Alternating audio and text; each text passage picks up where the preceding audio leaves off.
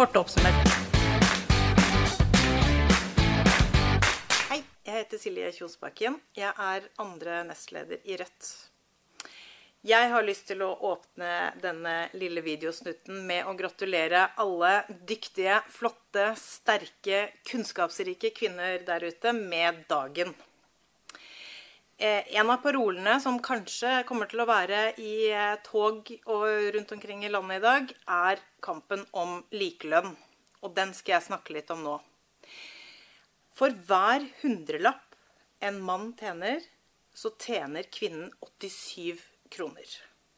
Og det vitner om at vi fortsatt den dag i dag, i 2020, har et samfunn som verdsetter mannen mer enn kvinnen. Det til tross for at kvinnen har noen av de viktigste oppgavene for å få samfunnet til å fungere. Og det er veldig urettferdig. Det vitner også om at vi er langt unna likestilling i et flott land som Norge. Det er en politisk målsetting og ingen uenighet blant partiene at det skal ha, være likelønn. Altså at kvinnene og mennene skal tjene like mye. Til tross for det så ser vi dette eksempelet med eh, at mannen tjener 80, nei, 100 kroner og kvinnen 87. Vi har en lang vei å gå.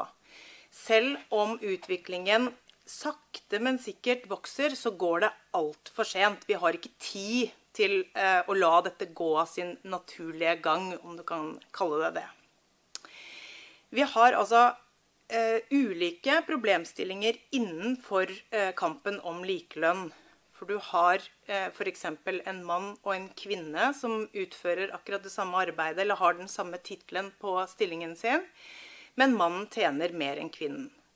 Men så har du også eh, typiske kvinnedominerte yrker, som er f.eks. på eh, sykehusene eller i barnehagene, renhold, eh, disse tingene, eh, mot mannsdominerte yrker.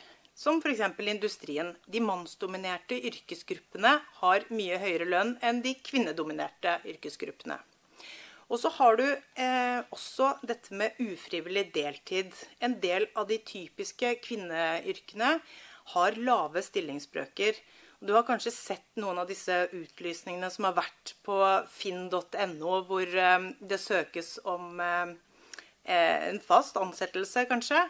Men ned på 5% 15% 30% Og du er nødt til å ha flere ulike stillinger eller jobber for å det hele tatt komme i nærheten av eh, 100 stilling. Som motsvar til disse problemene, og også for å få fortgang på eh, ulikhetene, eller også at ulikhetene skal jevnes ut, så har vi eh, konkrete tiltak vi jobber med Eh, vi ønsker f.eks. en eh, likelønnspott som vil bidra til å løfte eh, lønningene til kvinnene i offentlig sektor.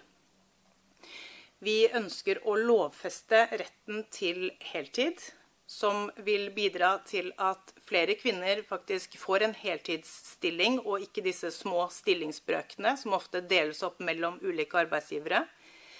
Og vi ønsker seks timers arbeidsdag, som vil gi eh, kvinnen en, hel, eh, en, heltidsstilling. Og også bidra til å gi henne selvstendig, altså økonomisk selvstendighet. Dette er kjempeviktige områder som vi eh, ønsker å jobbe videre med. Og hvis du som jeg mener at dette er en veldig viktig sak, eller andre viktige saker, så håper jeg at jeg ser masse dyktige, flotte, sterke, kunnskapsrike kvinner ute i 8. mars-tog. Jeg håper å se masse bilder på Facebook eller sosiale medier. Nå skal vi ut og slå et slag for bra damer.